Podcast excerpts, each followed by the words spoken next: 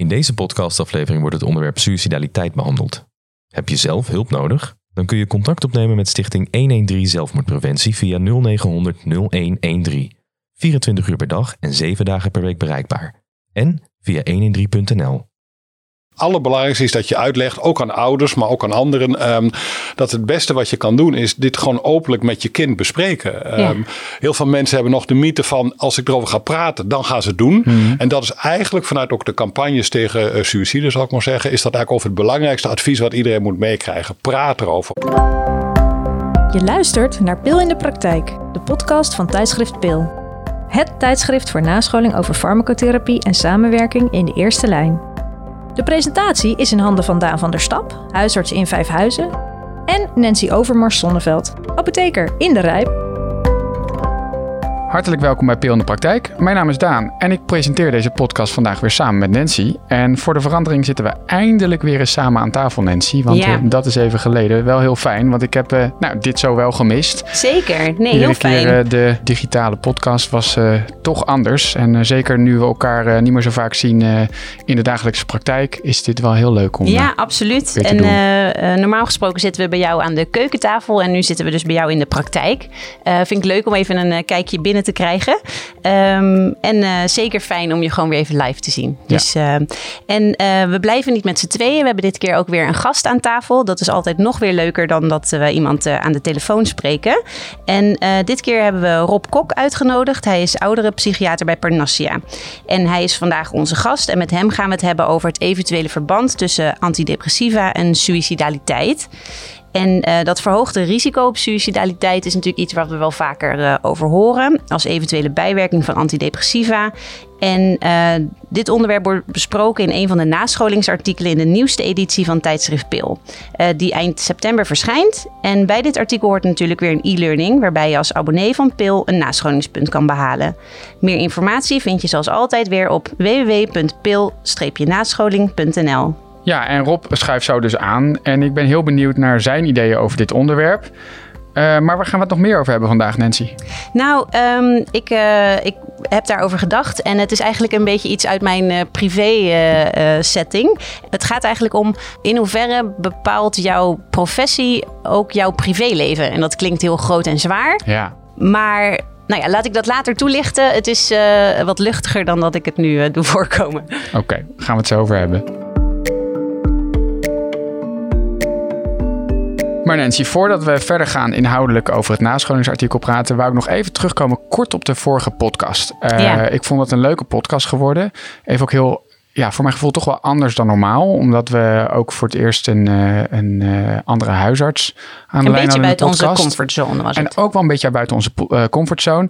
En um, wat mij opviel toen ik de podcast zelf terugluisterde, wat ik, nou ja, zoals, uh, ik, ik, weet niet wat jij ervan vindt, maar dan denk ik altijd, oh god, wat, wat, wat wouden we toch, maar het is ook wel weer leuk. Jawel. Wat mij opviel daarna, is dat ik dacht, ja, het is wel zonde, en dat wou ik toch nog even noemen, uh, dat het een beetje in de vorige podcast onderbelicht is gebleven, dat er dus voor zowel uh, voedingssupplementen als kruidengeneesmiddelen echt wel duidelijke plekken zijn waar je kan zoeken wat nou de bestaande evidence is en wat je ermee aan moet. En bijvoorbeeld voor de uh, voedingsmiddelen en voedingssupplementen is het zo dat de goedgekeurde claims uh, op voedingsmiddelen en supplementen op de website staan van de European Food Safety Authority, dus de EFSA.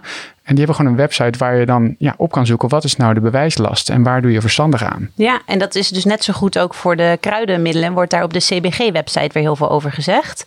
Uh, en dan kan je dus inderdaad proberen daar een beetje onderscheid te maken tussen de, ja, de middelen waar wel uh, waargemaakte claims aan hangen. En daar waar wij ja, in het grote bos van alle dingen die, uh, aan, die er zijn op de, op de markt. Ja. Uh, om daar dus toch een beetje houvast te krijgen. En ik denk inderdaad dat we dat wellicht niet voldoende benadrukt hebben. Dus goed dat je het nog even zegt. Ja. Oké, dan heb ik nog even één laatste korte mededeling vanuit de redactie van tijdschrift Pil, voordat we echt even het onderwerp induiken. Wegens vertrek van een redactielid is er namelijk een plek vrijgekomen in de redactie en zijn we op zoek naar een nieuwe redacteur. Ben jij een huisarts, openbaar apotheker of een ziekenhuisapotheker en lijkt het je leuk om mee te denken over nascholingsonderwerpen op het gebied van farmacotherapie in de eerste lijn? Over thema-edities? En of lijkt het je leuk om auteurs uit te nodigen of zelf artikelen te schrijven en artikelen te beoordelen? Stuur dan een berichtje met wat informatie over jezelf naar podcast.pil-nascholing.nl. We maken graag kennis met je. Oké, dan gaan we het nu hebben over het nascholingsartikel toename suicidaliteit bij het gebruik van antidepressiva. Ehm, want er is de laatste jaren veel discussie over dit onderwerp. Uh, want er zou dus mogelijk nou ja, een verhoogd risico op suicidaliteit zijn als mogelijke bijwerking weer van antidepressiva. Ik denk dat wij er allemaal onze opleiding wel eens van hebben gehoord dat daar een verband zou kunnen zijn. En leeftijd lijkt dan een belangrijke factor uh, bij de ja, kans op toename van suicidale gedachten en gedrag. Waardoor dus ook wel de aanbevelingen per leeftijdsgroep mogelijk dan verschillen. Daar gaan we het ook over hebben. En er zijn niet echt goede aanwijzingen voor dat er een verschil is tussen de verschillende soorten antidepressiva. Um, of uh, tussen de, bijvoorbeeld als je dan de SSRI's onderling vergelijkt, zijn er ook niet sterke aanwijzingen voor. Maar dat wordt ook mooi besproken in het uh, nascholingsartikel. Um, dus daar gaan we het uh, ook over hebben. En bij ons is ook aangeschoven nu Rob Kok, oudere psychiater van Parnassia, zoals eerder genoemd. En die gaat ons daar ook ongetwijfeld meer over kunnen vertellen. Leuk dat je er bent, uh, Rob. Fijn ja. dat je tijd hebt kunnen maken. Met plezier. Heel goed. Um, het is goed om even te zien uh, waarom we jou uitgenodigd hebben. Uh, want voordat zo'n artikel geschreven wordt, is daar natuurlijk een hele reis naartoe. En nu was in dit geval was de aanleiding dat er bepaalde werkgroepen zijn gestart. En die horen weer bij generieke modules. Misschien kan je daar iets meer over vertellen. Ja, uh, generieke modules worden gemaakt. is eigenlijk een soort aanhangsel, zou je kunnen zeggen, bij alle zorgstandaarden die er zijn. En die generieke modules worden zo genoemd omdat ze dan eigenlijk niet over één specifieke stoornis gaan. Dus niet alleen over depressie in ons geval of over psychose, maar dus dat overstijgend zijn. Er is een generieke module, bijvoorbeeld in dit geval over bijwerkingen van, een, uh, van psychofarmaca, die je natuurlijk voor allerlei verschillende aandoeningen kan, uh, kan geven. Mm-hmm. Vandaar dus generieke modules. En ik zat in een van die werkgroepen. En in een van die werkgroepen is dit ook uitgediept als thema. Ja, precies. Want dit is een van de, nou, ik kan me voorstellen, een van de ernstigste bijwerkingen hè, uh, van antidepressiva. Um, als het echt bijwerkingen zijn. Want daar komt natuurlijk gelijk de vraag: um, iemand die depressief is, ja, die heeft neiging tot suicidaal gedrag. Kan je zeggen dat het om een bijwerking gaat? Of Nee, dat is meteen al de lastigste vraag. Dat kan je eigenlijk helemaal niet. Je kan alleen maar zeggen dat je kan kijken of na het geven van een middel, of je dan bepaalde effecten ziet. Bijvoorbeeld in dit geval toename van suicidaliteit. Maar wij denken dat als je dat ziet na het starten van een middel, dat waarschijnlijk komt omdat die depressie op dat moment nog niet goed behandeld wordt. Ja. Zo'n antidepressivum slaat niet in dag 2 aan, op dag 2 aan. Dus dat duurt even. Uh, dus het kan zijn, voordat het middel goed aanslaat, dat de suicidaliteit nog verergert. Ja. Net zo goed als mensen ook bijvoorbeeld aankomen uh, bij een antidepressief omdat ze namelijk zoveel gewicht zijn kwijtgeraakt uh, voor, tijdens een tijdens depressie. depressie ja. En dan gaan ze vervolgens aankomen omdat ze weer gaan eten. Maar dat is dan strikt genomen niet een bijwerking. Maar het ah. wordt wel als zodanig geregistreerd. Ja, ja, precies. Dat heb ik serieus nog nooit zo. Uh, die link heb ik niet op die manier bekeken. Ja. En hoe zit het met, want de auteurs noemen in de introductie van hun artikel dat er de laatste jaren veel discussie is over dit onderwerp. Jij hebt hier als psychiater natuurlijk dagelijks mee te maken, depressie, antidepressiva. Is, is dat echt, is dit een hot item de laatste jaren onder psychiaters? Want als huisarts beleef ik dat nou niet zo. Nee. Ik weet dat het nou ja, wat ik net al zei in de introductie, wij leren het allemaal wel, denk ik, in ieder geval wij als huisartsen kan ik zeggen, basisarts al in je opleiding, bij je kooschap psychiatrie, of gewoon in het leerboek psychiatrie al, uh, en dan al helemaal als je huisarts wordt in de huisartsopleiding tijdens je psychiatrie stage.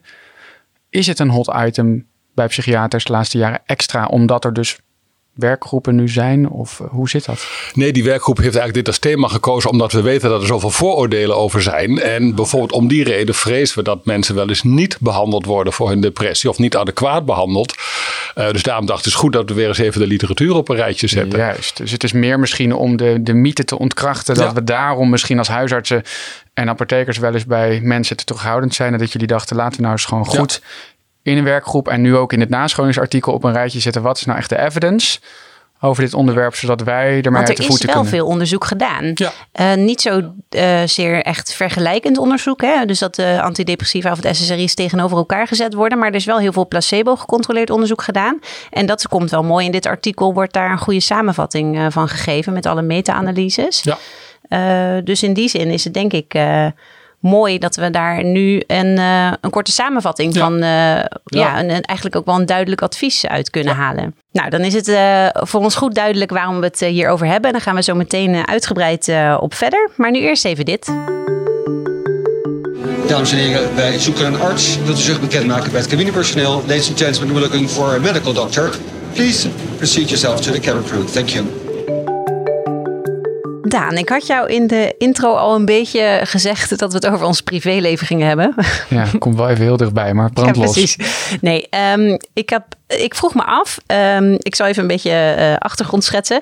Ik speel handbal. Uh, dat is een hele leuke sport, maar is vrij uh, intensief. Is echt een contactsport. En nu, dat is normaal gesproken prima, maar nu in deze hele corona-tijd um, is dat natuurlijk, lijkt, zie ik dat in een heel ander licht. En we mogen zo strakjes weer gaan beginnen met een nieuw seizoen. En daar heb ik ontzettend veel zin in, want het seizoen is ook al eerder afgebroken. Dus ik heb echt al maanden niet gehandbald. Um, en er zijn allerlei regels opgesteld. Um, zelfs dat als de bal in je gezicht komt, dat die verwisseld moet worden of schoongemaakt voordat we verder spelen. Uh, we moeten op anderhalve meter op de wisselbank zitten. Maar vervolgens tijdens het spel, ik weet niet of je een beetje een beeld hebt van dat spelletje, uh, zit je best wel in elkaars uh, ruimte. Ja. Um, nogal, en, ja. ja. nogal. Dus dan kan je bedenken, nou oké, okay, het mag. Blijkbaar heeft de overheid hier vooralsnog uh, gezegd dat dat oké okay is.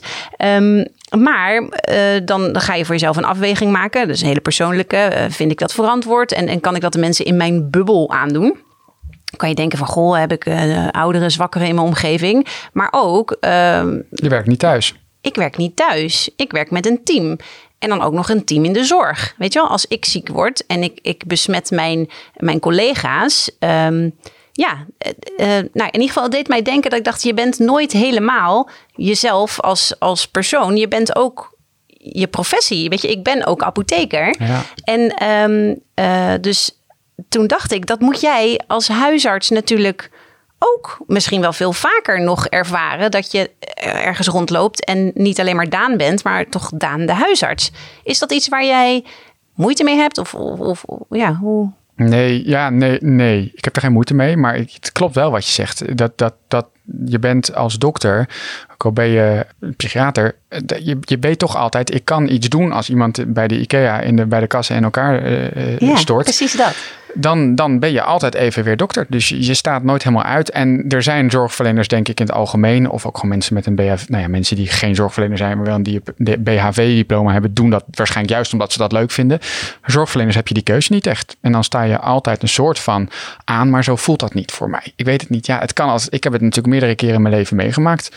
Op de fiets op weg ja. naar huis. En voel, voel je dan niet dat je denkt, ja, maar ik heb haast? Jawel, ook wel eens. Maar dan is het, ja, dat is lastig. Ik ben ook wel eens natuurlijk ergens met haast dat je denkt, oeh, ik ben net op tijd vertrokken om op werk te zijn. En dan zie je dus een, een ongeluk gebeurt onderweg. En dan, toch kijk je altijd even. Eigenlijk zou je willen stoppen altijd als je ziet dat het net gebeurd is. Heb ik ook wel eens meegemaakt. En soms heb je haast en dan kijk je toch. En dat zullen veel, nou misschien veel zorgverleners hoop ik dan herkennen. Maar ik kijk dan altijd even van, zie ik, ook vooral bij fietsongelukken. Je kijkt, ik zie iemand op de grond zitten die net gewond is. En is er een levensbedreigend iets? En als ik gewoon iemand een beetje beduus zie zitten, maar die kijkt kraakhelder ja, ook. Ik zie geen bloed op de grond. Op dan denk ik, er zijn al mensen bij. Ik zie al iemand bij dat ik denk, er staat zo een ambu. Ik zie nu niks acuuts, dan fiets ik door. Maar ik kijk daar dus wel altijd al naar. Dat is wat je doet. Ik vraag me dat af of je dat hebt gerealiseerd op het moment dat je eh, de opleiding ging beginnen. Nee, natuurlijk niet. Je bent 18 en je, of, of iets ouder, maar je besluit een, een, een, medische studie te gaan doen. Of als je 16 bent, zelfs een verpleegkundeopleiding te gaan doen of een verzorgende. Daar denk je helemaal niet over na. Natuurlijk niet. Dus daarom, het is wel grappig, in de huisartsopleiding is dit ook een, uh, meestal een onderwerp. En, eh, en hoe noemen ze dat nou? Um, het, het, ethisch beraad noemen we dat volgens mij. En dan heb je dus op onderwijsdagen tijdens je huisartsopleiding, uh, in ieder geval op het AMC waar ik ben opgeleid, werd dit ook echt besproken. Echt als voorbeeld. Um, wat doe je bijvoorbeeld als je in het vliegtuig stapt? Uh, neem je überhaupt iets mee in je handbagage? Oh. Er zijn dus dokters die dat oh, doen. Ja? Huisartsen nemen gewoon een, een etuietje met wat medicatie. Een en, een, en een, nou, dat weer niet. Maar een stethoscoop. Uh, oh, ja. Gewoon mee. Ja, voor het geval. Ik denk, ja, wat moet je met een stethoscoop uh, in, het, in het vliegtuig? Maar ja, het komt voor. En dat is heel leuk om daar dan met een groep jonge huisartsen in, in, wording dan een discussie over te hebben. Dus dat, dat is ook echt wel bewust bij onze beroepsgroep. En ik denk bij alle artsen en zorgverleners wel dat je dat is, dat is een ding dat je altijd aan kan staan. Ik ervaar het niet als als, belastend. Belastend, omdat het, ik weet niet beter. Ik heb op mijn 18e deze studie gekozen, dan, dan weet je dat op een gegeven moment. Maar dat is wel leuk om met jonge collega's, wat jij nu ook zegt met dat handbal, heeft natuurlijk ook in die lijn van wij moeten meer verantwoordelijkheid nemen dan iemand die zelfs ja, voor de, voor de klas is ook al een risico. Want het wordt natuurlijk ook eh, die essentiële beroepen, die, die worden nu met deze tijd even met de neus op de feiten gedrukt. Dus dat uh, wel grappig. Ik, ik, snap jouw dilemma heel goed met het uh, handbal. Nou, ik uh, ga er nog even over nadenken. Ja, ik zou er ook een beraad over houden. Met, ja, precies. nou, misschien kan ik toch even wat collega's oproepen. Of misschien was dit je beraad al en denk ja, precies. je, ik ga het ik, gewoon doen. Heel goed. Hey, dankjewel. Maar uh, we gaan uh, weer terug naar Rob. Oké, dan uh, denk ik dat we nu uh, wat beter uh, nog naar de inhoud van het artikel kunnen kijken. Daar wordt voornamelijk gesproken over de verschillende leeftijdscategorieën. En daar maken ze onderscheid tussen kinderen, en dat is dan tot 18 jaar. En dan van nog de jongvolwassenen, van 18 tot 25. En vanaf 25 noemen we dan volwassenen. en daar zijn dan verschillende um, risico's uitgekomen. En um, laten we beginnen bij de ouderen. Daarbij uh, lijkt... de 25 vind je oud, hè? ja. ja. Is ook, ja. Maar dat noemen we even de ouderen. Voor de luisteraars, die ouder zijn 25, je bent oud. Nou, het is trouwens wel grappig dat je dat zegt. Want ik zeg dit nu verkeerd. Want er is ook nog een apart onderzoek wat ook in het artikel genoemd wordt. En dat is van boven de 65. En daar lijkt het nog beschermender. Heb ik dat goed geïnterpreteerd? Ja. ja. En, dus we beginnen bij de wel echte ouderen dus. Dan laten we inderdaad even een sprongje maken naar de echte ouderen. Kan je daar iets over zeggen? Is daar een verklaring? Waarom zou dat voor ouderen nog beschermender werken? Een goede verklaring had de auteur van deze meta-analyse niet. Uh, maar die noemt inderdaad wel heel duidelijk dat het gunstige effect van antidepressiva op de suicidale gedachten of suicidale wensen, uh, dat dat eigenlijk met de stijgen van de leeftijd alleen maar beter wordt. Mm -hmm. Je ziet dus een hele geleidelijke verschuiving van met name de jongeren onder de 25, dat je dan dus nog een verhoogd risico hebt op de, nogmaals suicidale gedachten en suicidale wensen, niet op daadwerkelijke suïcide. Die, die nuance moeten we straks nog wel bespreken, denk ik. Dat wordt dus verhoogd, uh, maar alleen in de jongere leeftijd. Op iets oudere leeftijd, tussen 25 en 65, is het min of meer neutraal. En op hogere leeftijd is eigenlijk het effect duidelijk beschermend. Ja. Um, waarom dat zo is, dat weten we niet zo heel goed, eerlijk gezegd. Eh, want, want mijn gedachte was dan gelijk, hoe is überhaupt uh, de incidentie van suïcide, even echt suïcide ja. of suicidaliteit dat is inderdaad, wordt ook in het artikel wel groot, uh, goed onderscheid in gemaakt. Um, is dat überhaupt uh, bij ouderen minder, lager? Of, of... Nee, nee, er is een heel duidelijk onderscheid tussen uh, suïcidepogingen. En daar gaat het artikel over. Hè, de suïcidegedachten, de wens dat je uh, uh, niet meer verder wilt leven. En soms ook dat je een actie onderneemt. Um, en daar gaat, daar gaat dus dat die hele discussie over. geen enkel geval van suïcide is beschreven in die artikelen. Op geloof één uitzondering na op 10.000 patiënten of zo van een daadwerkelijke suïcide. Dus we hebben het eigenlijk helemaal niet over het echte risico dat je een, vaker een suïcide zou plegen. Maar over het risico dat je er dus meer aan gaat denken. Dat is nog wel een hele belangrijk verschil. Ja, dat is zeker een verschil. En is dat, maar dat klinkt misschien onaardig.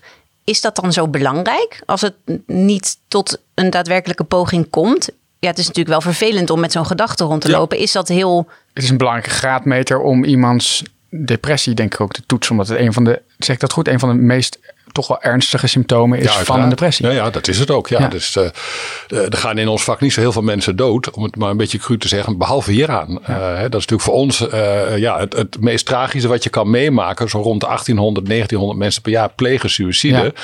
En op je vraag net terug te komen, dat zijn wel vooral ouderen. Dus daar zit ook een verschil in. De jongeren zijn veel meer de mensen die suïcidepogingen doen. En dat zijn er rond de 100.000 per jaar of zo, althans geregistreerd, die op spoedeisende hulp komen of iets dergelijks. En dat zijn eigenlijk vooral jongere vrouwen. En de geslaagde suïcides zijn de oudere mannen. Vooral alleenstaande mannen met wat psychiatrische problemen, nog eens gecombineerd met pijn of, of andere lichamelijke klachten, eenzaamheid, verslavingsproblemen. Dus daar zit een enorm verschil in qua ja. geslacht en qua leeftijd van wie de geslaagde pogingen doen en wie dus de, uh, de, de, de, de, de tentamina-suïcide doen. Ja. En dus is, kan je dan daarmee dus, als je die cijfers op elkaar legt, dan dus zeggen dat je meer kan beschermen omdat het probeer dit logisch te zeggen. Maar ja. als de kans groter is uh, als je als uh, oudere man ook daadwerkelijk een poging doet, uh, dat als je dan antidepressiva gebruikt, dat het dan per definitie beter beschermt, omdat die anderen het toch niet zouden doen. Dus dat de aantallen naar beneden gaan. Ja, Ja, ja. sorry. Ik, ik hoop dat de luisteraar het een beetje kan volgen. Daan niet, zie ik aan zijn gezicht. Nou, het is, het, klopt, het is ook best verwarrend. Maar nogmaals, al die artikelen, al die, die, die hele, ook wat dus in de verplicht nu in de bijsluiter staat van een aantal antidepressiva op jongere leeftijd. Dus het kan de eh, kans dat je suicidale gedachten of suicidale wensen vergroot. eh, dat, die waarschuwing staat er. Dat gaat dus nogmaals niet over de geslaagde suicides. Ja. Dus zo kunnen we dat hele verschil in, in, in Nee. cijfers ook niet goed verklaren. Maar Nee. het is denk ik ook bijna niet goed te onderzoeken, omdat de incidentie suïcide misschien zo laag is van hoe kan je dat nou goed ver- Ja. Vraag ik me dan af. Is Ja. dat waarschijnlijk een logische verklaring dat het dus ook over gedachten en gedrag gaat en niet zozeer om de geslaagde suïcides? Want dan heb je natuurlijk nog kleinere onderzoeksgroepen. Ja. En dan klopt. valt daar moeilijk met goede bewijskracht wat over te Dat zeggen. klopt. Ja. Van 1800 of 1900 eh, in die orde van grote geslaagde suicides moet je dan dus achterhalen. Dat is wel bekend. Wie heeft een psychiatrische stoornis? Want Ja. de meeste zijn wel in behandeling. Uh, over 90% wordt geschat heeft een psychiatrische stoornis. Ehm, dus dat weet je wel. Je weet vaak ook wel of ze antidepressiva gebruiken. Maar dan is dat nog uiteindelijk op de hele groep te weinig. Ja. Ehm, dus dan kan je niet Ja. heel goed voorspellen wat nou allemaal een rol Ja. speelt. Ja, maar dus heldermakend voor de luisteraar betekent dit dat we eigenlijk beginnend, waar Nancy over begon bij de ouderen 65 plus, lijkt het juist beschermend Ja. om antidepressiva te geven om de kans op suicidaliteit, gedrag en gedachten te verkleinen. Ja. Dan gaan we naar de groep 25 tot 65. Daar neemt dat beschermende effect al wat af, maar is er in ieder geval geen evidence dat het bij de volwassen groep de kans op suicidaliteit vergroot. Klopt. En dan duiken we naar de groep eh jongvolwassenen, 18 tot 25. En daar moeten we al een beetje op onze hoede gaan zijn. Maar is er niet harde evidence voor? Lees ik dat een beetje terug? Of moeten we Ja. bij die groep gaan letten op het soort antidepressivum wat we voorschrijven? En dat laatste maakt eigenlijk helemaal niet uit. Eh, dat blijkt ook al die onderzoeken dat of je nou een modern middel kiest of nog een ouderwets tricyclisch middel, dat dat niet zoveel uitmaakt. Nee. Ehm, het is vooral in die groep, dus onder de 25, ook wat je noemt dat tussen 18 en 25, maar ook daaronder nog, eh, hè, daar, eh, daar is het inderdaad dus wel aangetoond. Echte kinderen onder de Ja, 18 dus moeten we echt... Nou ja, we zeg ik dan, hè, dat is Ja, een beetje kinderen en jongvolwassenen. ja. Ja, en met nou, hoe jonger, hoe meer we eigenlijk op onze hoede Ja. Moeten zijn, Klopt. lijkt de, de, Ja. de, de, de evidence die er nu is te zeggen. Nou, maar terecht het een beetje. De, de, de verschillende onderzoeken die er zijn, er zijn drie of vier grote meta-analyses geschreven. Die vinden, de, de een vindt nog wel een verhoogd risico, dus nogmaals op die suicidaliteit, niet op geslaagde suicides. Nee. Maar de andere vindt dat ook niet. Dus het is ook niet onomstotelijk dat Nee. je bij elke puber dan meteen daar bang voor moet zijn. Maar dat is, al- als je een risicogroep hebt, dan is het toch deze dan groep. is het eventueel die. Ja. Met dus vraagtekens. En dat begonnen we natuurlijk net over bij eh, het eerste stuk eh, van de podcast. Toen we hier begonnen, eh, of toen we met je gingen praten, zei je ook van het is dus juist bedoeld om ons een beetje gerust te stellen. Er is geen harde evidence. En dan zeg je dus eigenlijk mogelijk alleen bij hoe jonger dat je er even over na moet denken dat er wat evidence is dat lijkt dat het in sommige meta-analyses bij jongeren Maar een goed, wat dan kom, verhoogd risico kom je gelijk bij het punt dat niemand zonder nadenken een antidepressivum voorschrijft aan een jongere. Nee. Toch? Ik bedoel, zover Ja. zijn we allemaal wel dat we dat wel zien dat dat niet echt de bedoeling is. Tenzij het dus echt om een, een zware depressie gaat. En, en ja, dan, dan wegen voor- en nadelen al gauw weer. Ja, op. klopt. Want er is geen twijfel over dat het niet behandelen van een ernstige depressie leidt tot suicides. Dus Ja. die twee dingen moet je ook tegen elkaar afwegen. Dat, je, eh, dat is heel evident. Dat eh, het, het hebben van een tamelijk ernstige depressie, zeker, maar ook bij licht tot matige depressies, kunnen mensen hebben eigenlijk bijna allemaal suicidale gedachten of wensen. En het- de kans dat je ook een geslaagde suicide doet met een depressie is gewoon echt ontzettend veel groter dan de kans dat het als bijwerking van een antidepressivum is. Ja, precies. Ehm, en, en ik denk dat is inderdaad, want eh, behalve dat je dat we als arts en apotheker dat ergens een keer gehoord hebben en die associatie hebben dat het goed is dat we dit eventjes goed eh, uitgetekend krijgen. Maar het is dus ook wel in de media of de leek, hè, die, die eh, legt dat verband ook. En dat is natuurlijk lijkt me best wel ingewikkeld. Dus je krijgt ouders in de spreekkamer ehm, die natuurlijk ongerust zijn om hun kind. Ehm, maar ja, niet ongeruster de deur weer uit wil sturen op het moment dat je ze iets voorschrijft. Ja, Is en dat, zal vooral in de, hè, want als we het even over kinderen hebben, een nuance, misschien ook voor de luisterende apotheker met name, wordt in het artikel trouwens ook goed genoemd. Eh 18, onder de 18 schrijf ik als huisarts gewoon geen antidepressiva voor. Hè? Eh, dat, dat doet de kinder- en jeugdpsychiater. Dat wordt ook gewoon duidelijk aanbevolen. En daar, dat weet ik ook zeker. Geen huisarts wil daar zijn of haar vingers aan branden. Ehm, dus Ja. ik zal dat niet zo vaak meemaken in de spreekkamer. Maar goed, ehm, het kan zijn dat ik een jong volwassene van 18 of 19, die zou ik denk ik toch ook sneller doorverwijzen bij ernstige depressie naar toch naar uh, een, een, psychiater in de tweede lijn. Maar ja, dat kan. En het, het, kan toch ook dat de psychiater, kinderpsychiater het heeft voorgesteld. Die rol heb ik tenslotte ook als huisarts. Ja. Uh, en jij hebt die rol als apotheker die het recept van de kinderpsychiater toch gaat uitleveren als dat jouw klanten zijn, die mensen. Dus het lijkt me goed dat wij ons daar uh, qua achtergrond wat ja, uh, uitleg kunnen geven. Want ik, het komt best vaak voor eigenlijk dat een medisch specialist iets voorschrijft en dat, dat patiënten of ouders van even mij kunnen komen checken, omdat er toch een vertrouwensband is met een huisarts van ja, de specialist, bijvoorbeeld de kinderpsychiater zegt net nu, wat vindt u?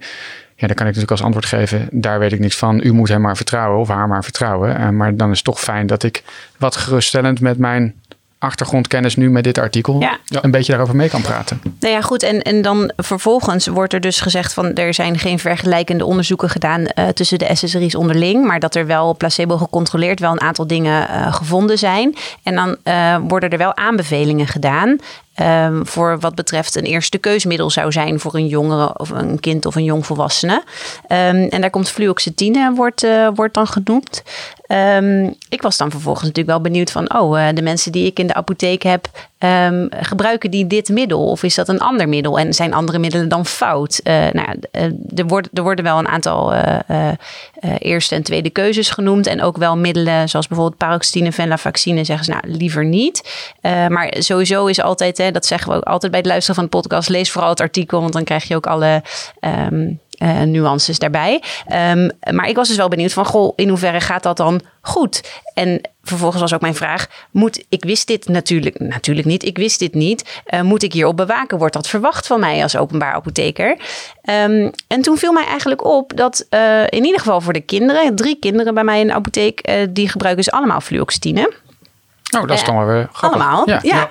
En uh, vervolgens van de groep uh, jongvolwassenen, dat waren er dan 21, is ongeveer een derde gebruikt fluoxetine, maar twee derde, of de andere derde en nog een derde gebruiken dan ook escitalopram of sertraline. En dat zijn ook de nou ja, betere keuzes volgens het artikel. Ja, dus daar kwam niemand tegen, want dat wordt in het artikel genoemd. Hè? De paroxetine zeggen ze, er is wat bewijs bij kinderen en jongeren. Eén iemand. Eén ja, jongere. Eén jongere. Onder de 25. Onder de 25. Gestart op paroxetine. Toen een aantal andere dingen geprobeerd. Toch terug naar de paroxetine. Dus dat was ik natuurlijk even benieuwd. Wat is daar de historie?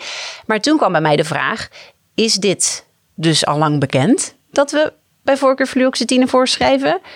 Is dit per ongeluk goed, ge- jullie kunnen niet zien dat ik aanhalingstekens maak, goed gegaan. Uh, is het nieuw? Je noemt dan een heleboel dingen tegelijk. Ja, uh, volgens mij is eigenlijk het belangrijkste benadrukken dat het aller, allerbelangrijkste uh, antisuicidale advies, zal ik maar zeggen, is dat je dit bespreekt. Uh, dus de keuze van een middel is een hele andere zaak. Het allerbelangrijkste is dat je uitlegt, ook aan ouders, maar ook aan anderen, um, dat het beste wat je kan doen is dit gewoon openlijk met je kind bespreken. Um, heel veel mensen hebben nog de mythe van als ik erover ga praten, dan gaan ze het doen. Hmm. En dat is eigenlijk vanuit ook de campagnes tegen suïcide, zal ik maar zeggen, is dat eigenlijk over het belangrijkste advies wat iedereen moet meekrijgen. Praat erover. Vraag het gewoon aan je patiënt. Er staan ook in het artikel inderdaad wat voorbeelden aan vragen die je kan stellen. Het lijkt zo ingewikkeld, maar je moet eigenlijk gewoon vragen: Goh, je voelt je nou zo rot. Denk je wel eens, zou ik het misschien beter niet meer kunnen zijn? Dat kan je aan iedereen vragen. En er is niemand die je daardoor op een idee brengt. Het is juist dat je het bespreekbaar maakt dat een, ook een puber of een, een jonge volwassene. Dat die denkt, mogelijkheid bestaat. Dat het niet een gekke gedachte is. Ja, dat, ja. Die, je legt dan uit dat het bij de ziekte hoort. Dat ze bij het zo somber uh, zijn. En dat dat ook behandelbaar is. En het bieden dus van hoop. Maar ook gewoon het überhaupt bespreekbaar maken. En ook aan ouders zeggen: praat hierover met je kind. De ouders die kunnen ook hetzelfde idee hebben. Hier praat ik maar niet over. Want inderdaad, ik breng ze op een idee. En dat is echt de allerbelangrijkste mythe die je onderuit moet halen. Dus praat erover. Ja. Want het staat niet in een bijsluiter. Dit hè, praat erover met je kind. Terwijl het misschien wel een van de belangrijkste adviezen Ja. zou zijn. Ja. Die eigenlijk bovenaan in de bijsluiter zou moeten staan. Ja. Klopt, ja. Ja, bijsluiters zijn sowieso Te- Te technisch, ja, te weinig praktisch. Zonde. Ja. Ja. daar zou En echt dat moet erin staan, Ja, want daar er zijn regels over, maar- over als je een diabetes medicijn aflevert, dat daar ook in de informatie die wij afleveren best wel meer handvatten zouden kunnen zitten over leefstijl of hè, gewoon. En maar het gaat alleen maar natuurlijk sec. Ja, het moet voldoen aan de richtlijn en dat is wat het is. Eh, Zo'n bijsluiter zeker. Ik kan me voorstellen als je kind of je, je- ja, je kind een eh, zo'n middel gaat slikken, dat je die bijsluiter van A tot Z eh, doorleest en dat dat juist daar ook weer dat soort dingen zouden kunnen staan. Want wat Ja. verwacht jij als psychiater als jij antidepressiva voorschrijft? Of misschien een collega van je die kinderjeugdpsychiater is. Ehm, wat zijn jullie verwachtingen van een apotheker? Wat heb je daar idee van? Wat verwacht jij dat er aan de balie wordt gezegd als er een SSRI wordt uitgeschreven? Ja, daar zit een groot probleem dat je wettelijk verplicht bent om alle nadelen of een aantal nadelen te noemen. Eh, en je daarmee dus ook eigenlijk, denk ik, een nocebo-effect krijgt. Terwijl je niet verplicht bent om uit te leggen: God, dat is een goed middel dat, Ja. eh, dat ook werkt of effectief is, of hoe je het ook maar wilt uitdrukken. En daar zijn wel leuke gedachten over, over of je dan dat bijvoorbeeld niet anders moet framen. En niet moet zeggen: God, 10% krijgt eh, misselijkheid. Eh, de gedachte is dat je misschien moet zeggen: 90% krijgt geen Ja, misselijkheid. het is heel grappig dat je dit zegt, want onze allereerste podcast ging over biologicals. Ja. Maar toen hadden we een intermezzo en dat ging over het nocebo-effect. En Ja. hebben we precies dit besproken. Oh ja, ja, en het is inderdaad super interessant en eigenlijk vrij eenvoudig toe te passen. Ja. Ehm, maar ehm, ja, hetgeen dat jij nu als struikelblok noemt, dat horen we natuurlijk ook vanuit de huisartsenpraktijk. Eh, dat het best wel ingewikkeld is om eh, de dames en heren in de apotheek die, eh, die de medicatie afleveren, ehm, om die zo te instrueren dat ze precies aanvoelen wat wel en niet. En, en, en Ja. als wij het ja, ze kunnen heel goed protocollen volgen. Hè? En daar zijn we heel blij mee. Want dat, hè, dat is natuurlijk, dan weten we zeker dat dingen goed afgehandeld worden. Maar juist dit, Ja. eh, die gesprekstechnieken en het, het belangrijke wel noemen. ehm, en de dingen die ook gezegd moeten worden, omdat het moet. Ja, je kan het op een andere manier zeggen. En ik, Ja. ik, ik vind dat ook heel lastig eh, ehm, om aan mijn team mee te geven. Mhm. Dus het is zeker een. eh, ja, een punt waar, Ja. we, waar, ja, waar zeker verbetering mogelijk is. Ja. Ja. En daar heb je als huisarts het voordeel dat je meestal je patiënt natuurlijk beter kent, langer kent. En ook weet, van, oh ja, die is daar misschien wel gevoelig voor. Dus dat je dan zou kunnen vertellen, ja, u krijgt straks bij de apotheker die bijsluiter. Maar weet wel hoe zo'n bijsluiter is opgebouwd. Dat er bijvoorbeeld alle bijwerkingen die ooit zijn beschreven en aangetoond, die moeten daarin staan. Ja, ja, dat leg ik zeer vaak uit. Ja, ik zeg ja. zelf, de, de- mijn mensen waarvan ik al weet met, met somatoforme hypochondere trekken, Ja. dat zijn de mensen die vaker dan de hele bijsluiter natuurlijk gaan doorspitten even. Eh, die leg ik bewust, natuurlijk, dat is het voordeel van huisarts zijn. Dan, Ja. dan, ik heb ook veel minder klanten dan jij Nancy in de apotheek. Ja. Eh, dus jij Ik zeg zou het ook wel eens aan de balie hoor. Ik zeg, Ja. nou, we hebben namelijk, je hebt de bijsluiter en dan heb je een soort samenvatting van ons. En zeg ik, nou, dit is de samenvatting. Ik zeg, die hele bijsluiter, ik zeg, die zou ik sowieso maar niet lezen. En dit zijn de belangrijkste punten. Ik, had- ja, dat mag ik natuurlijk niet zeggen, maar ik zeg dat wel best vaak. Ja. Ja. Ja. Hey, nog een andere vraag, want we hadden het net over de SSRI's onderling. Daar zeg je van, wees je gewoon bewust dat het vooral voordelen kan hebben om de depressie te laten opknappen. Nou, bij kinderen, voor zover, wij schrijven dat natuurlijk niet voor in de eerste lijn, maar geeft volgens de eh, artikel dan paroxetine als enige SSRI een klein nadeel. Of nou ja, mogelijk een iets vergrote kans op die suicidale gedachten bij kinderen. En dan nog even over die andere middelen die worden genoemd, die we beter misschien kunnen vermijden, met name bij jongeren. Eh Venlafaxine, de TCA's, dus noortriptyline, amitriptyline. En de mouwremmers, die volgens mij voor de eerste lijn al helemaal een enorm reservemiddel zijn. Ja. Bij jullie volgens mij ook.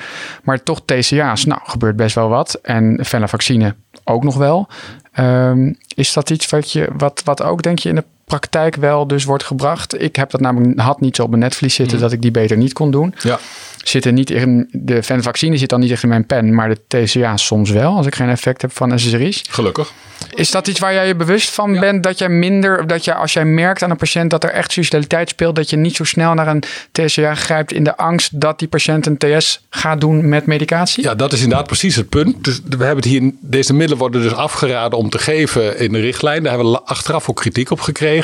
Dat is niet omdat middelen als TCA's bijvoorbeeld dus eerder een verhoogde kans geven op suïcide. Maar omdat als je daarmee een, een suïcide doet, de kans dat het lukt veel groter is. Dus we zijn wat banger en dat geldt voor de mouwremmers helemaal. Als je weet wa- waar je ze niet mee moet combineren, kan je eh, een hypertensieve crisis krijgen, kan je ook aan overlijden. Ehm, uh, maar achteraf hebben we daar denk ik wel terecht kritiek op gehad. Want die middelen geef je, zoals je natuurlijk zelf noemt, vaak op indicatie. Bijvoorbeeld dat twee, drie uh, niet, uh, TCA's niet hebben geholpen. En dan wordt het hoog tijd om een TCA te geven. Want anders gaat, gaat de vierde of de vijfde waarschijnlijk ook niet aanslaan. Dus achteraf is dat niet het handigste advies van ons. Zou je dus eerder moeten zeggen op het moment dat je dus duidelijk met de therapieresistentie te maken hebt. Dan moet je bijvoorbeeld een TCA overwegen. En dat, dan is het enige wat, waar dit advies dus eigenlijk over gaat. Is geef dan niet meteen een voorraad voor twee maanden mee. Uh, maar waarschijnlijk is het nog veel beter om het wel voor te schrijven. Uh, want dan knapt hopelijk de depressie op. Dan om te zeggen om die reden doe ik het niet. Dan geef ik maar de vierde uh, SRI of de vijfde nee, SSRI nee. mee. Maar als, wij, als ik dus een depressieve patiënt spreek. Waar ik merk er speelt veel suicidaliteit. Dan heeft het toch als eerste keusmiddel echt wel de voorkeur om een eerste SSRI, een tweede SSRI te gebruiken voordat ik naar de TCA schrijf. Want als je algemeen de NHG-standaard erop naast laat, Mhm. staat qua evidence dat de, eh, de effectiviteit van de, van de TCA's vergeleken met de SSRI's in evidence heel vergelijkbaar is. Dus Ja. dat de NRG-standaard geeft aan, er is niet veel voorkeur Ja. voor SSRI's of TCA. Maar het is dus wel de aanbeveling als er echt duidelijk socialiteit actief speelt. Er is een gelijkwaardigheid in Mhm. effectiviteit voor depressie, maar kies dan toch liever de SSRI, omdat als er een overdosis wordt genomen, is het dan, heeft het een gunstige prognose bij een TS met medicatie. Ja, ja. Maar ik hoor ook heel duidelijk dat als dat niet werkt, dat je niet bang moet zijn om over te Nee. stappen. Nee, juist. Sterker nog, kijk, dit, huisartsen kunnen van mij best goed onderscheiden wat een ernstige wat een minder ernstige depressie is. En heb je een ernstige psychotische depressie met name, dan is toch het idee dat je misschien die SSRI echt maar beter moet overslaan. Eh, dus d- d- dat is een beetje de uitscholling op de regel. Het klopt, ze zijn in principe allemaal even effectief. Eh, er is echt geen verschil in gevonden eh, in heel veel analyses. Ehm, we kiezen eigenlijk heel vaak voor een SSRI eh, of een vergelijkbare niet-tricyclische middel. ehm, om eh, niet alleen maar vanwege de, de, het risico op suïcide, als je het middel in een overdosis inneemt, maar ook omdat in de praktijk is het gewoon makkelijker te doseren.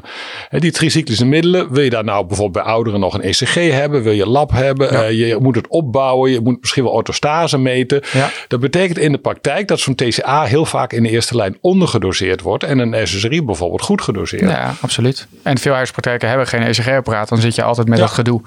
Inderdaad, ga ik eh, mijn eh, QT-tijd, eh, Ja. dan ga ik daar iemand helemaal speciaal voor naar de cardiologie. Het, is, het, is, het geeft meer gedoe, ben ik Ja, met je eens. In de praktijk kom ik er daar ook vaak pas als tweede keuze aan toe. Door het praktische gedoe. ja.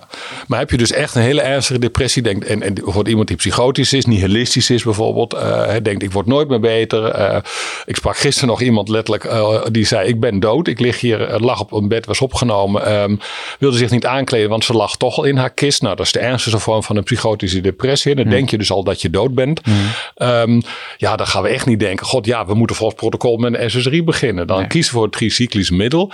En ook eigenlijk niet eens omdat het effectiever is, eh, maar omdat we dan heel goed de spiegels kunnen prikken. Bij die SSRI's moet je maar afwachten. eh, na een paar weken, nou, drie, vier weken kan je er iets van zien.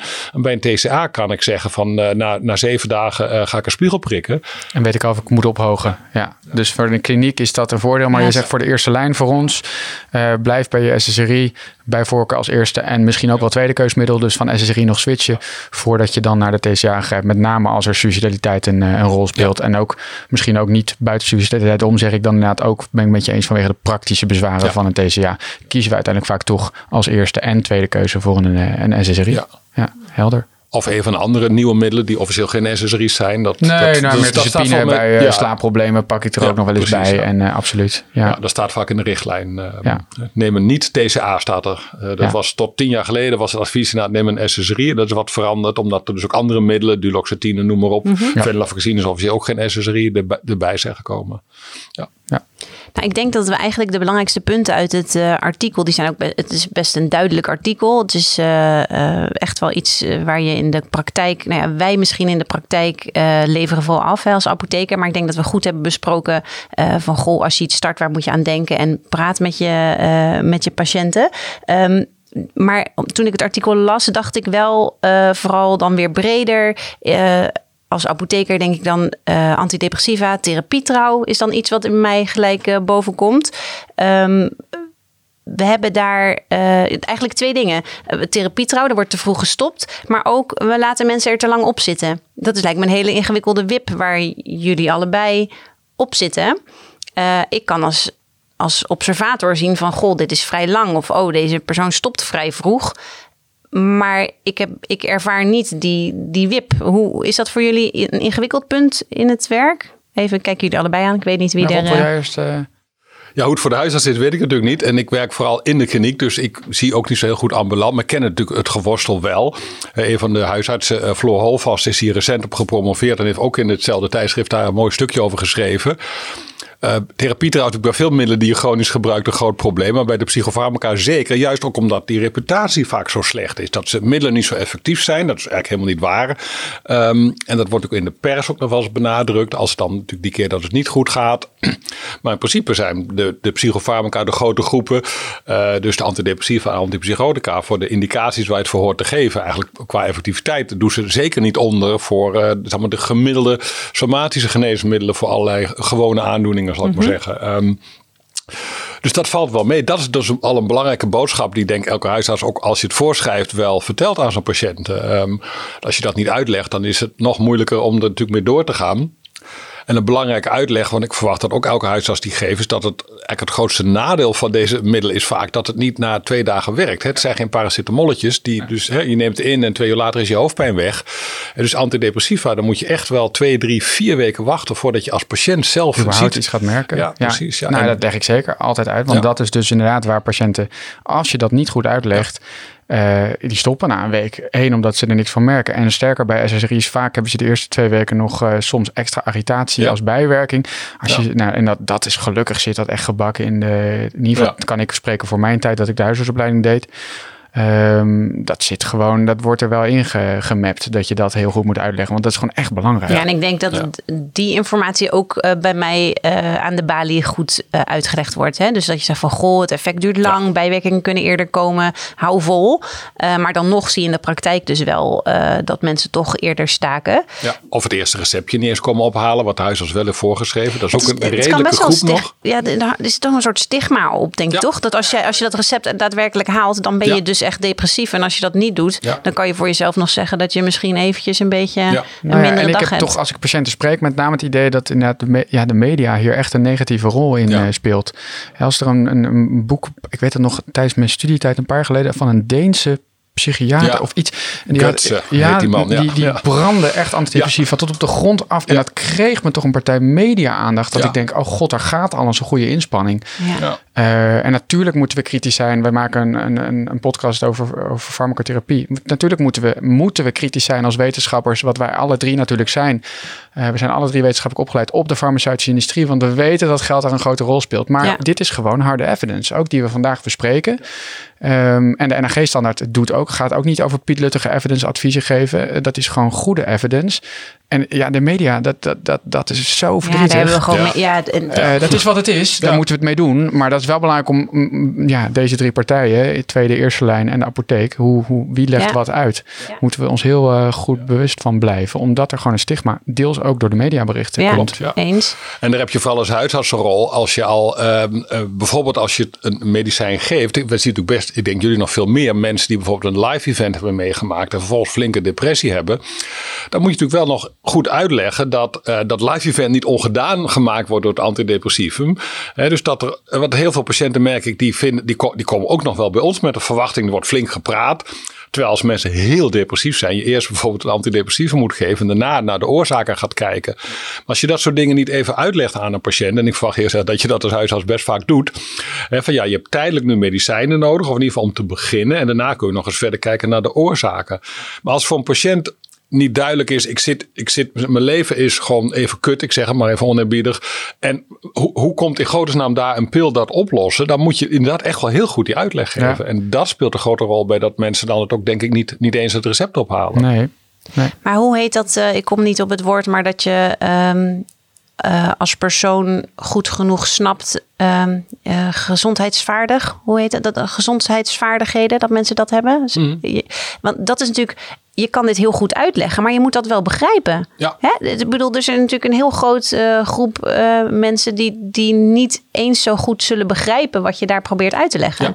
Er zijn 1 miljoen Nederlanders die niet zo goed kunnen lezen en schrijven of niet kunnen lezen en schrijven. Dus ja. dan met die bijsluiter, die gaat sowieso de prullenbak in. Ja. Of een foldertje waarin staat dat je met je kind de suicidaliteit moet bespreken. Al zou je daar een foldertje bij gaan doen. Ja. Daar moeten we rekening mee houden. Er is een grote groep Nederlanders die dat niet... Ja, daar moet je heel omdat, omdat het dus best wel complexe materie is, denk ik van, nou ja, om dit inderdaad, want ik in mijn hoofd denk ik, nou, je gaat eerst altijd proberen te praten en als het niet lukt, komt er een medicijn. Maar inderdaad, als je zo depressief bent dat je eerst wel medicatie nodig hebt om überhaupt het gesprek aan te kunnen gaan, dat iemand hè, even uit zijn holletje komt om mm. überhaupt met je in gesprek te gaan, dat is eigenlijk hartstikke logisch, maar dat moet je natuurlijk wel uh, ja, horen, verteld worden, Ja. begrijpen. eh, Ja. En dan eh, vertrouwen hebben in het medicijn. Hè? Daar, daar draait het om. Ja. En dat geldt niet alleen voor eh, deze middelen, maar eigenlijk voor de meeste middelen. Als mensen er zelf achter staan, snappen waarom ze het gebruiken, dan, dan dat heeft natuurlijk heel veel invloed Ja. op therapietrouw. Klopt. Maar dat is, ja, ik vind dat soms wel redelijk uit te leggen. Je in, je- ja, ik noem het altijd maar uitleggen in Jip en Janneke taal. Maar eh, mensen waarvan ik weet dat die wat lager begaafd zijn... of in ieder geval een begrip of een, of een aandachtsboog niet echt eh, lang is... De, of concentratieboog. Eh, ik, ik maak er zelf vaak van, ik maak een tekeningetje... en dan zeg ik, wat gebeurt er als je iets leuks doet in je leven? En dan zeg ik, dan komt er een stofje vrij in je hersenen. Zo moet je het je voorstellen. Dan wordt, dat is een, eh, een, een, een geluksstofje. En dat heb je nu niet, want je bent heel verdrietig. En deze pil zorgt ervoor dat jij dat gelukstofje weer kan gaan voelen. En dat moeten we eerst doen, want nu zit je helemaal vast.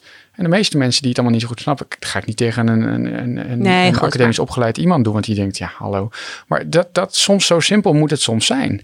En dan mis je heel veel eh, randvoorwaarden en uitleg. Maar ja, dat moet je dus soms niet Ja, geven. goed. Maar dat is natuurlijk wat je als huisarts denk ik heel goed kan aanvoelen. Wat heeft iemand nodig Ja, maar die dat is tegenover de mij kracht zit? van dat ik iemand ken. En Ja. op een gegeven moment ook langer ken en, en, en het opleidingsniveau weet. En, en Ja. iemands kwetsbaarheden ken. En het ook niet in één keer hoeft te beslissen. Hè? Eh, als natuurlijk mensen in de problemen zitten, kan je zeggen: kom vrijdag nog even terug. Dan eh, eh, boek ik een dubbel consult in. Dan ga je het nog eens bespreken. Het hoeft niet, door de meeste mensen niet nu besloten te worden. Absoluut. Ja. Ja. En dan kan je nog eens verder erop ingaan. Je kent de omstandigheden. Dat is een enorm voordeel wat je als huisarts hebt boven wat wij als psychiater doen. Ja, absoluut. Ja. En als we dan gelijk even een sprong in de tijd maken. Maar nog mensen... één ding zeggen, Oh, want ja, die ja. metafoor, daar is best veel discussie over of die nou zo gelukkig is. Ja? Eh, Oh, maar dat vind ik wel interessant. Nou ja, allereerst is natuurlijk heel lang gedacht dat dat de werking was van het antidepressieve medicijn. Ja. Eh, serotonine heropname, remming en dat soort dingen. Maar dat blijkt eigenlijk maar heel de vraag of het niet een epifenomeen is. Oh, wacht. Ik zit op het puntje van mijn stoel. Want ik, ik wil de Jip en Janneke versie van de psychiater even Ja, horen. ja, ja, dit is eigenlijk de Jip en Janneke versie. En als de patiënt erin gelooft, is het ook niet zo slecht Nee, nee, nee. misschien. Maar- maar- de vraag is ja? of die wel waar is. Oké. Ehm, eh, dus, eh, want er zijn antidepressiva die dat helemaal niet doen. Mhm. Eh, lithium werkt heel anders. eh, wat je ook als antidepressivum kan geven. Ehm, en de mo- allerlei modernere middelen werken ook helemaal niet op heropname, remming en dergelijke. Dus het is maar helemaal de vraag of het eigenlijk de goede metafoor is. En het blijkt dat een deel van de patiënten, die zien dat als het ware zo mechanisch voor, ze, voor zich. Dat als ze moeten stoppen, Ja, dat je de vraag krijgt. Ja, maar dat gelukstofje, dat zat toch in die pil? En dat ga je me nu afnemen. Ja, ja, ja. Dus op lange termijn kan die metafoor ook onhandig zijn. Dus is om die reden best kritiek op. Ja, want heb jij dan een tip voor de laagbegaafde, laaggeletterde persoon? Wat, Een ander wat- Jip en Janneke ja, verhaal. Ja, ik ben dan heel nieuw, want ik, ik snap je punt heel goed. Ja. Eh, met name dus voor de mensen waar ik wel wat over serotonine en eh, de, de pillen, dan zou ik dat wat, min, wat anders gaan uitleggen wellicht. Maar juist voor de echt mensen waarvan ik denk, ik moet het heel simpel houden. Heb je tips dan, ook voor de luisteraars, van welke Jip en Janneke metafoor we dan kunnen gebruiken? Eh, nee, want dit, hier heb je niet 1, 2, 3 een hele goede metafoor Nee. voor. Eh, We weten het niet. Klinkt niet zo overtuigend. Nee, nee, nee, nee, nee, nee, nee, nee, klopt. Het is natuurlijk Ja. in feite waar dat het Ja. werkingsmechanisme niet goed weet. Er zijn ontzettend veel theorieën de laatste 10, 20 jaar in de biologische psychiatrie zeg maar onderzocht van, van eh, eh, laaggradige eh, eh, hoe heet het, ontstekingen, eh, immuunachtige reacties. eh, noem, noem ze maar op of zo. Eh, er zijn ook al nieuwe ontwikkelingen richting eh, dus ontstekingsremmers die worden uitgetest. Ook wel voor andere psychiatrische stoornissen, maar we weten het gewoon nog niet. Nee. Dus ik denk op zich is in Jip en Janneke taal helemaal niet slecht om gewoon te zeggen: we weten uit de praktijk dat deze middelen werken. Nou, wel wezen van heel veel somatische medicijnen weten we het ook niet zo heel erg Nee. goed. Nee, Ehm, nee, maar goed, daar heerst dan minder stigma op, merk ik. Dat is hè? waar. Ja, ja. En met het stigma merk ik toch vaak dat, dat Jip en Janneke praatje nodig is Ja. om sommige mensen over de Ja, grens te trekken. Ja, En dan- daarom is het soms, ook al is de metafoor misschien niet helemaal correct, wetenschappelijk is ja. het toch geen slecht idee om er soms maar gewoon zo uit te leggen. gebruik van te Ja. maken. Ja. En het is ook wel weer gelijk een mooie brug naar het volgende, wat ik, waar we het dus ook even over hadden. Ja. Als mensen dus wel al een lange tijd gebruiken en het heeft wel effect gesorteerd. Eh, ja, wanneer is dan het moment om te stoppen? Ja. Eh, en, en om heel even terug te komen op het artikel, daar wordt ook wel gezegd van let op, als je stopt, is die kans eh, op suicidaliteit tijdelijk weer verhoogd. Hè? Dus kijk ook uit met stoppen. Wanneer doe je dat en, en hoe doe je dat? En toen kwam bij mij de vraag, vaak als iemand naar de psychiater gaat en is stabiel onder behandeling, gaat terug naar de huisarts. Ehm, nou, huisarts, regel het maar. Iemand zal toch ook een keer weer gaan stoppen. Wordt iemand gestuurd met een stopadvies? Weet ik niet. Geen idee. Nou ja, vaak wel. Ik, ik krijg brieven van jullie uh, terug uit de tweede of derde lijn. Met soms geen advies, want dan is het gewoon klinkklaar voor mij. Nou, die patiënt is, is op zich uitbehandeld in de GGZ en wordt overgedragen vanwege stabiele fase of bijna stabiele fase naar de huisarts. En dan hebben wij Ga natuurlijk onze NRG-standaard. Nee, kijk, onze Nou ja, ik denk dat wij toch misschien toch ook wel getekend als huisarts door de media en door onze NRG-standaard wordt er, wordt er geadviseerd om dat iemand tenminste een jaar lang, twaalf maanden lang, echt stabiel moet zijn. Echt gewoon zegt, het gaat gewoon goed met me. En dan kan je jaarlijks overwegen met de patiënt om een periode te stoppen. En dan streng na een, bijvoorbeeld een maand ook meteen weer iemand op gesprek terug te vragen. Niet te zeggen van kom maar terug als het niet lekker gaat. Maar echt dus terug na een maand. Hoe gaat het? Merk je achteruitgang, merk je vooruitgang? En soms al na een week. Sommige mensen zeggen, ik vind het zo spannend. Ik bel sommige mensen op dag drie dat ze gestopt zijn. Even, als ik merk dat het enorm spannend is. dit klinkt heel anders dan hoe het in de media gebracht wordt. Iedereen moet er vanaf en we zitten er te lang aan. Ja, en, uh, ja maar in de NRG-standaard is dat gelukkig meer genuanceerd. Maar wordt ons wel geadviseerd om, om in ieder geval uh, ieder jaar een stoppoging met de patiënt te bespreken. Niet te doen, maar in ieder geval te bespreken. En die vind ik ook nog wel eens lastig. Dus ik ben ook benieuwd wat, uh, wat jij daarvan ja. vindt, Rob. Omdat inderdaad wij toch wel de druk voelen om als iemand een jaar stabiel is, dat toch omdat het middel ook slecht voor je is. Dat is vaak ook weer het stigma mm. dus. Want dat vragen we ons dus af, ook als we dit artikel, uh, nascholingsartikel lezen. Uh, vind jij dat ik dat anders zou moeten doen? Toch ieder jaar als iemand heel stabiel is een stoppoging uh, wagen? Want ik kan ja. natuurlijk de patiënt enorm in beïnvloeden in de spreekkamer. Ja, ja. nou wat, wat het, advies klopt. We zeggen vaak tussen de 6 en de 12 maanden dat je helemaal stabiel moet zijn, uh, hersteld. Dus niet na het begin, maar inderdaad, de, wat je terecht zegt, als je helemaal hersteld moet zijn. Um, en dan hebben we het wel over mensen die bijvoorbeeld voor het eerst in hun leven depressief zijn. Want dat is een belangrijke nuance. Dan zou je inderdaad best na bijvoorbeeld een jaar kunnen stoppen. Um, dat zou ik zeker doen, want er zijn, dan blijkt over de helft van de mensen krijgt nooit meer een recidief. En anders zou je die 20, 30, 40 jaar ten onrechte een antidepressivum geven. Um, er zijn geen hele duidelijke lange termijn effecten die nadelig zijn of zo. Nee, want ik ben ook aan het denken, zijn gevaarlijk. Ja, ja wat, nee, wat nou, nou, eigenlijk... dan moeten we even. Nee, maar we hebben, we hebben laatst een podcast gemaakt over de SSRI's en, het, uh, en de somatische bijwerking ja. op lange ja. termijn. Ja, klopt. Nancy, kijk maar, waar heb je het over? Maar, ik zal hem even terug dus, luisteren. Nou ja, ja, luister hem nog even terug. Nee, maar daar hebben we het gehad over bijvoorbeeld verhoogde kans. Toch wel echt, uh, met, niet heel sterk, maar wel. Er is evidence met een klein effect op bijvoorbeeld verhoogde kans op osteoporose. Dan heb je het echt over Ja, ouderen. Hè? We hadden het over SSRI, bijwerking bij ouderen. Ja. En dat was toch best een indrukwekkende lijst bij ouderen. Want dan had het echt specifiek over ouderen. toch ook. Ja, eh, Eh, waar wij juist bespraken van hm, bij ouderen, want we hadden toen over valrisico bij ouderen. Ja. Maar toen hadden we het over dus niet alleen toegenomen valrisico, maar ook over osteoporose-kans. En dat was een best een indrukwekkende lijst, toch bij ouderen dan heel specifiek. Ehm, wat doe jij daarmee als ouderpsychiater? Of wat Ja, zou je, wat, ja. Ja, maar eigenlijk moet ik nog even terug Ja. naar de vorige punt. Want anders is dat zo half afgemaakt. Dus heb je het over een eerste episode. Dan zou ik zeker na een jaar stoppoging eh, doen. stoppoging doen. Ja.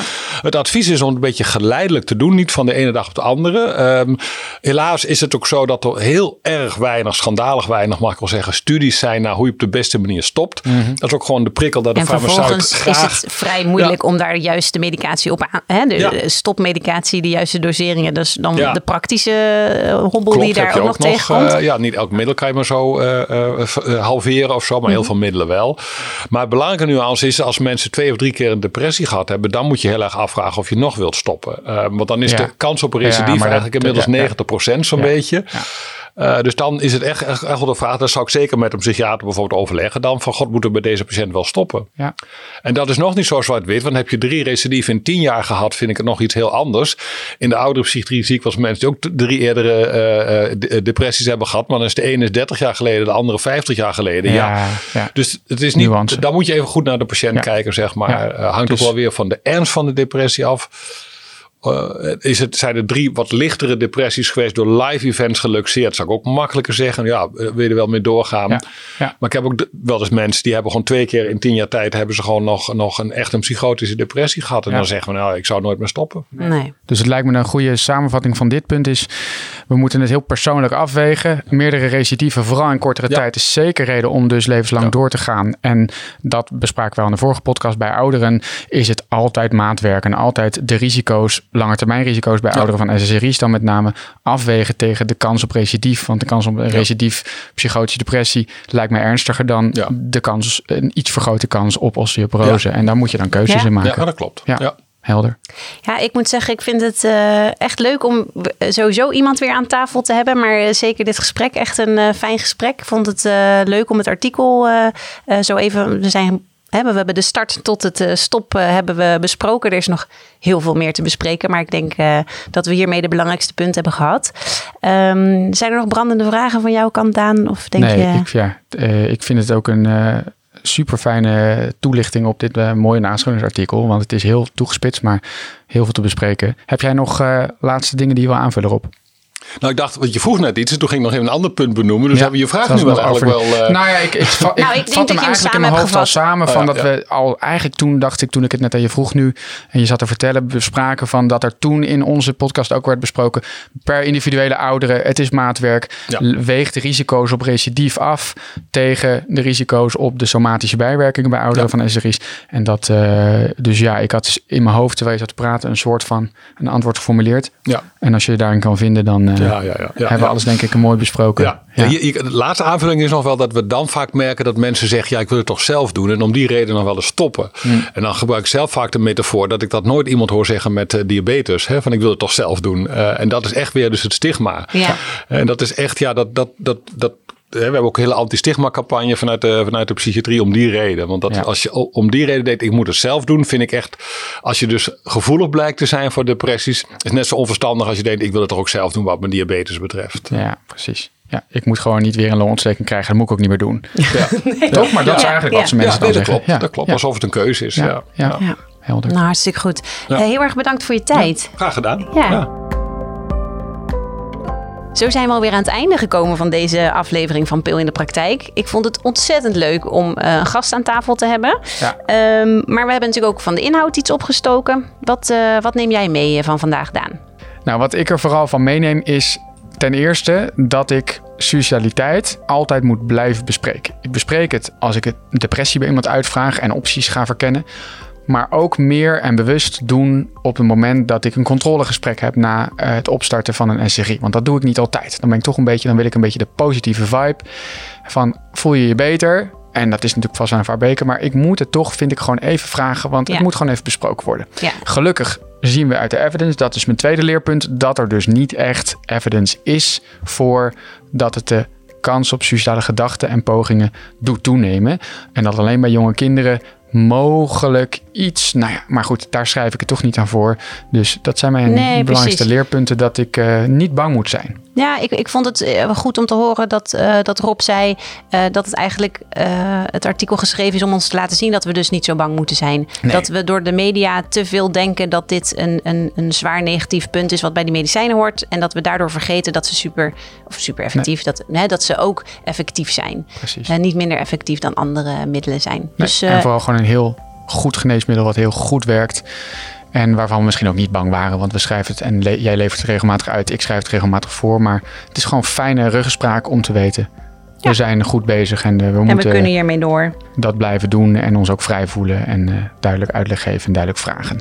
Nou, goede leerpunten wat mij betreft. En ik hoop dat jullie uh, net zoveel geleerd hebben als wij vandaag. En dat jullie daar vervolgens in de praktijk dan ook weer mee uit de voeten kunnen. wil je reageren op deze aflevering of jouw ervaringen in de praktijk delen? Dat mag van alles zijn. Tips en tricks wat betreft de samenwerking vinden we altijd leuk om te horen. Um, dan kan je dat met ons delen en dat kan dan via podcast.pil-nascholing.nl. En dan tenslotte, wil je meer informatie over tijdschrift Pil en het behalen van nascholingspunten met het blad, dan kun je terecht op www.pil-nascholing.nl. Weer bedankt voor het luisteren en heel graag tot de volgende keer. Tot de volgende keer. Doeg! Je luisterde naar Pil in de Praktijk, de podcast van tijdschrift Pil. Het tijdschrift voor nascholing over farmacotherapie en samenwerking in de eerste lijn. Pil verschijnt vier keer per jaar in de vorm van een papieren tijdschrift en geaccrediteerde e-learnings. Ga voor meer informatie en abonnementen naar www.pil-nascholing.nl.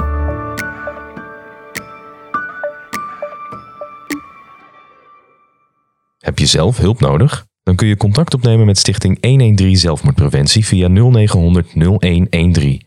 24 uur per dag en 7 dagen per week bereikbaar. En via 113.nl.